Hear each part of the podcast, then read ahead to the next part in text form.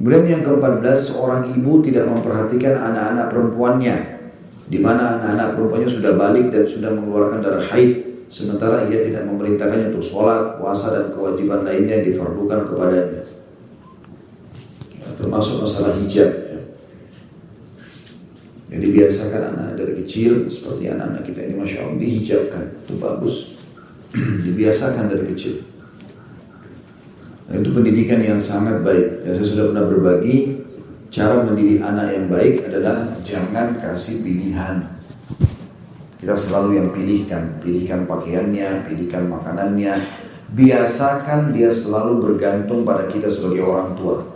Jangan bilang biar anak saya mandiri, bukan begitu mandiri. Mandiri itu hanya bisa mengerjakan pekerjaan dia sendiri, iya. Tapi bukan mandiri mengambil sebuah keputusan. Ada saatnya nanti di mana dia bisa ambil keputusan sendiri. Tapi kalau masih kecil, tiga tahun, lima tahun, nak mau makan apa, dia ngerti apa. Mau pakai baju apa, dia ngerti apa. Ibu lebih paham. Bermula dari situ biasanya terbuka pintu bakti pada orang tua atau durhaka pada orang tua.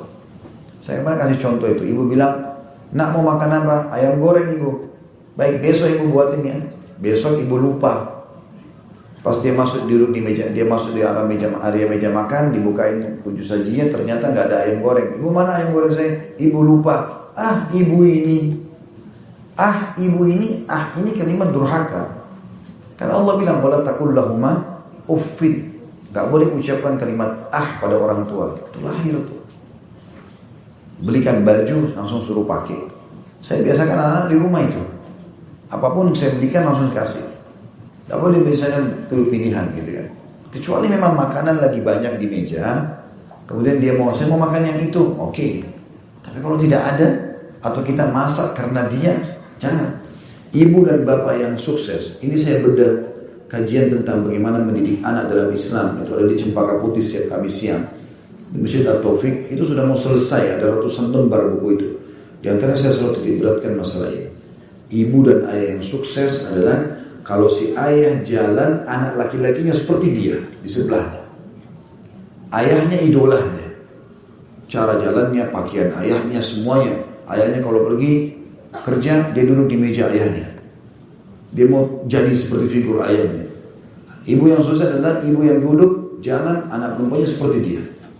Ada kadang-kadang ibu duduk di sebelahnya anak gadisnya. Kita kayak nggak bisa bedain, kayak kembar sama anaknya.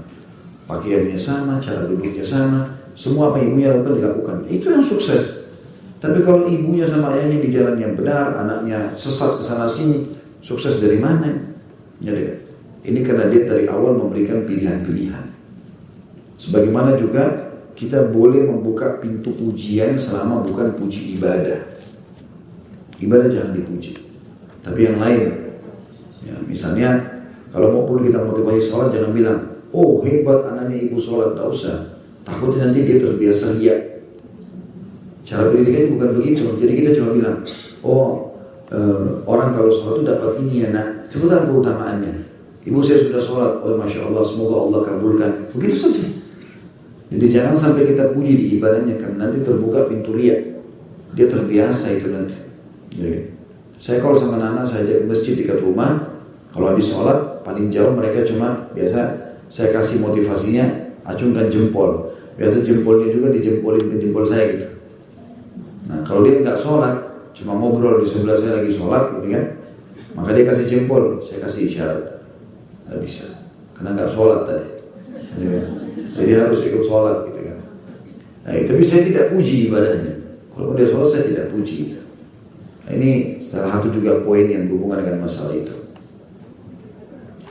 Baik yang terakhir di sini, tentu di sini Masalah anak perempuan ditibrakan di poin 14 Bagi Bapak Ibu Allah berikan anak perempuan ini satu karunia yang luar biasa ya.